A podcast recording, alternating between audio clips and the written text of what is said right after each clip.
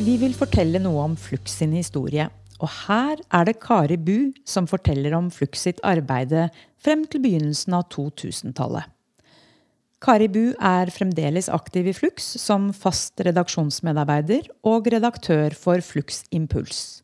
Vårt lesebrev som har artikler og nyheter rundt våre bøker og aktiviteter. Så hør her.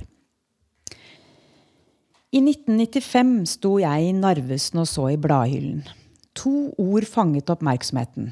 Jeg hadde sett ordene mange ganger før, men aldri ved siden av hverandre. I hvert fall ikke utenpå et blad. Ordene var vitenskap og kunst.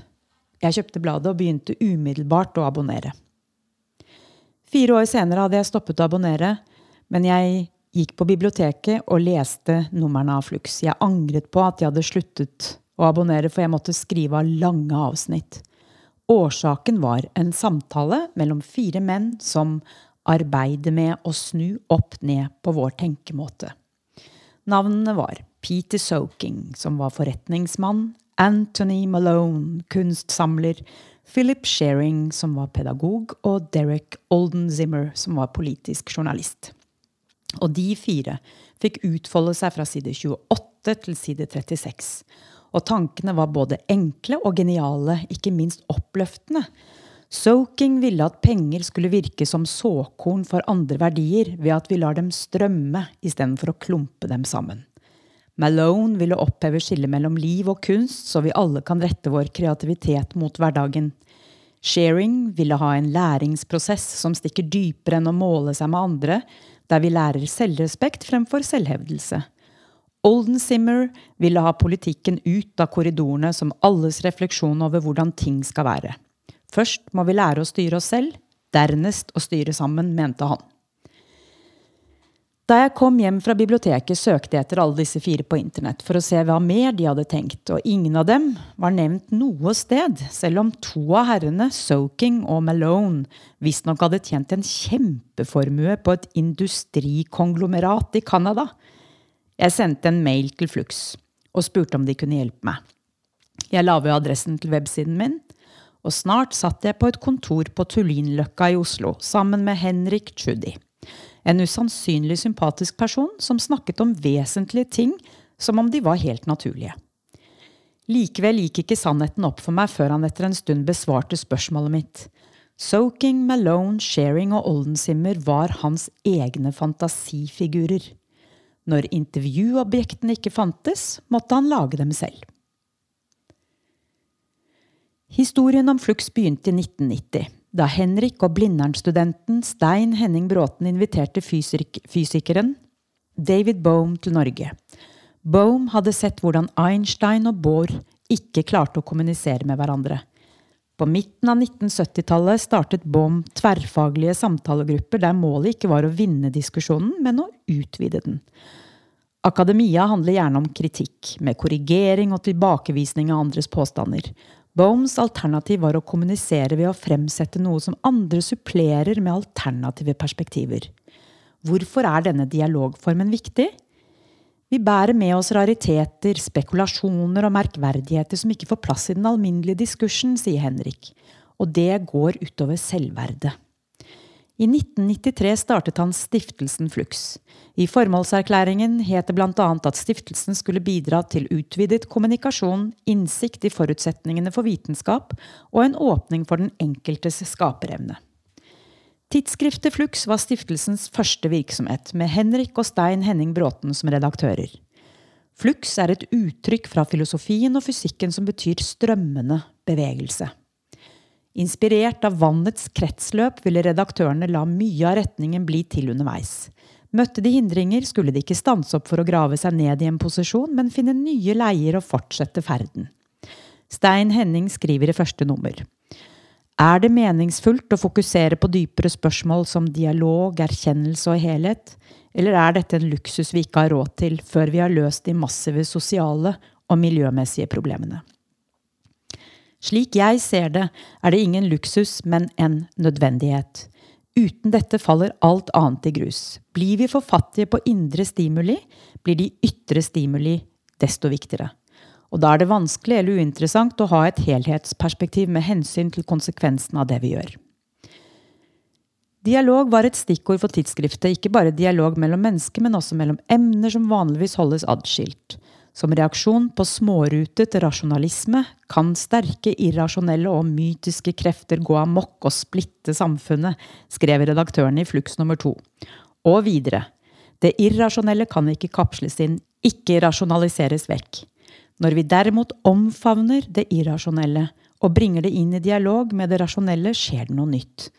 Vitenskap og logikk fremtrer med ett som et fantastisk spill, et eventyr underlagt selvvalgte kriterier som vi kan la oss inspirere av, uten på noen måte å dyrke det kritikkløst. Filosofen Arne Næss var fast samtalepartner i tidsskriftet fra begynnelsen. Hans lekne forhold til store spørsmål var en viktig inspirasjonskilde for Flux. Blant skribentene de første årene var poeten Bertrand Bessigier og en viss Ari Mikael Bjørshol, i dag bedre kjent som Ari Behn. Bessigier hadde nylig fått stor oppmerksomhet for debutboken Og du dør så langsomt at du tror du lever. I Flux reflekterte han bl.a. over å gå gatelangs uten å se tegn til fri bevegelse hos sine medmennesker. Hva slags samfunn er det vi lever i hvis jeg ikke kan gå på gaten med hånden løftet over hodet, spurte han. Unge Bjørshol bega seg helst utenlands. På en tur til Litauen snakket han med en gatefeier som hadde studert filosofi i syv år og kunne forklare hvorfor japanerne er så flinke til å lage motorer. De forstår hele motoren i et eneste blaff, ikke hver enkelt del, men alt på samme tid. Tidsskriftet manglet ikke visjoner, og Norges sjefsvisjonær Erik Damman var et selvskrevent intervjuobjekt. I 1974 hadde han startet Framtiden i våre hender som en folkereisning for en bærekraftig levemåte. Damman mente at politikerne hadde kapitulert for en internasjonal økonomisk psykose. Folk flest kan føle situasjonens alvor, men på høyere nivåer blir den fortrengt gjennom intellektuell og politisk skolering som deler opp problemene og søker etterpåklok teknologisk reparasjon.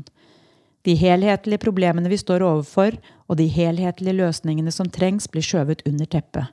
Dette er konsekvensen av en politisk balansering med bare to alternativer full økonomisk liberalisme eller gammeldags kommunisme. En håpløs forenkling, sa Damman. En annen fluksvenn var den fargerike presten Sunniva Gylver, som jevnlig både skrev og ble intervjuet i tidsskriftet. I 2000 sa hun det som blir paradoksalt for meg, er at vi er så skeptiske til autoriteter, til at noen skal bestemme hva vi skal gjøre. Samtidig er vi helt kritikkløse overfor markedet og pengene. De autoritetene som virkelig dominerer våre liv i dag. Siden den gang har kritikken mot både markedet og pengene latt høre fra seg ganske høylytt. Da Flux fylte ti år i antibush-året 2003, hadde også Henrik meninger om saken. I dag søker vi kollektivt inn mot noe som rett og slett er i ferd med å gå i stykker. Det globale pengesystemet er ikke tuftet på reelle verdier. Vi må føle oss som verdifulle medskapere i universet. Nå trer samfunnet med alle sine gamle føringer foran. Det er alltid noen som later til å stå sterkere i systemet, og så løper vi etter så godt vi kan. Ved tiårsjubileet var Flux langt mer enn et tidsskrift. I 2000 begynte stiftelsen å arrangere filosofikafeer i Oslo, basert på Davy Boms dialogiske metode. Året etter ble konseptet utvidet til en helgekonferanse på Gran på Hadeland, med temaet bevissthet. Internasjonale foredragsholdere kom for å grave i dette mystiske fenomenet som vitenskapen ikke har greid å forklare. En av disse var Henry Bortoft, britisk fysiker og vitenskapsteoretiker som tok for seg vitenskapssynet til Goethe, dikteren med stor interesse for naturvitenskap. Goethe møtte naturen med en bevissthet som så rike detaljer i en organisk helhet, fremfor en serie med intellektuelle kategorier. Vår egen bevissthet beskrev Bårdtoft slik. Først ser vi løv og lærer at dette er løv.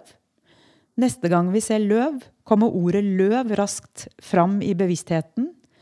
Og etter hvert er det mer og mer ordet vi ser, mens løvet blir fjernere og fjernere. Da den første bevissthetskonferansen var over, tok Flux med seg Arne Næss til en hytte i Nordmarka. 50 deltakere på Miniakademi fikk innspill til selv å kunne snakke om temaet Hva er et menneske? Etter hvert arrangerte Flux flere halvdags miniakademier. Konferansene på Hadeland fortsatte, og i 2002 var temaet bevissthet og evolusjon. Og blant de inviterte var den amerikanske forskeren Sally Gørner, som vakte begeistring med sin formidlingsevne. Hun sa at tendenser i vårt samfunn ligner skremmende på oppbruddstendensene hos gamle sivilisasjoner. Demokrati og kapitalisme har utviklet seg til en ny form for oligarki, som betyr fåtallsstyre. Elitene vil skaffe seg monopol. Forskjellen mellom fattig og rik øker. Fundamentalistisk religion blomstrer opp. Men Gørner var ingen dommedagsprofet. Hun mente slett ikke at samfunnet ville gå under, bare at det ville gå over i en ny form når den kritiske massen av folk som tenker annerledes, blir stor nok. Det nye samfunnet kalte hun det integrerte samfunn. Alle foredragsholderne på konferansen var opptatt av integrering. Den amerikanske psykologiprofessoren Alan Combs beskrev en integrert bevissthet som en som kombinerer det beste fra mental, mytisk, magisk og arkaisk bevissthet. Dermed drar den nytte av 200 000 års prøving og feiling hos mennesket, samtidig som den kvitter seg med den minst hensiktsmessige ved vår nåværende mentale bevissthet. At det går an å endre bevissthet, fikk vi et eksempel på under den tredje bevissthetskonferansen Bevissthet og kropp. Den amerikanske forfatteren Paul Devereux fortalte om antropologer som begynte å få andre sanseopplevelser etter å ha bodd en stund i et stammesamfunn. Dette skyldtes verken overtro eller sløvhet, men en annen filtrering av inntrykk som fikk fram andre sider ved virkeligheten. I 2004 er tema for konferansen bevissthet og natur, med andre den amerikanske filosofen og økologen David Abram og den engelske filosofen David Lorimer. Året 2000 var ikke bare startskuddet for nye virksomheter fra stiftelsen Flux, det var også året da Flux-tankene spredde seg til tusenvis av mennesker gjennom boken Hvor kommer virkeligheten fra? 18 samtaler med Arne Næss. Utgivelsen, et samarbeid med Kagge forlag, samlet samtalene med filosofen fra tidsskriftet. Etter suksessen med Arne Næss-boken ville Flux bli forlag selv. Men Flux går da ikke etter suksess? Nei, Flux forlag ville utgi bøker som var viktige, og først i 2003 fant Henrik en bok som var viktig nok. Den ungarske systemteoretikeren Ervin Laslo, som også var nominert til Nobels fredspris i 2004, hadde samlet en lang rekke tråder fra kosmologi, kvantefysikk, biologi og bevissthetsforskning. Summen var en vitenskapelig basert virkelighetsforståelse som samtidig var helhetlig og meningsfull. Henrik oversatte selv boken, som fikk verdenspremiere i Norge med tittelen Revolusjon i vitenskapen. Underveis mottok den nybakte forlagsredaktøren et annet viktig manus skrevet av den norske statsviteren Dag Andersen. I oktober 2003 ble Paradigmeserien lansert med disse to bøkene. Om sin bok Det femte trinn sa Andersen til Dagbladet. Råkapitalismen er et uttrykk for at vi mangler nye mål. Hva er meningen med Statoil? Erobre noen flere markedsandeler? Gigantomanien viser at vi ikke helt vet hva annet vi skal gjøre. Overgangen til neste trinn, det femte, består i at vi utvikler humankapitalen Det vil Si vår følelsesmessige og mentale evner og ferdigheter. Andersens bok ble raskt fanget opp av bedriftsledere, og Dagens Næringsliv omtalte han som lederfilosof. Forfatteren holdt tallrike foredrag for næringslivet, og etter at han hadde snakket for Flux-leserne i Oslo, utbrøt han begeistret Flux samler mange meget sympatiske mennesker. Tschudi fulgte opp med et foredrag om Ervin Laslos bok og hans bilder av kosmos, som igjen samlet et oppegående publikum. Blant de mer fantasifulle ideene i Flux-historien var Stein Henning Bråtens tanker om å legge ned universitetet. Allerede i nummer to av Flux i 1994 gikk Arne Næss hardt ut mot universitetssystemet, som han mente skapte konvensjonelle og stivsinnede mennesker. Tre år senere inviterte Flux til debatt på Blindern.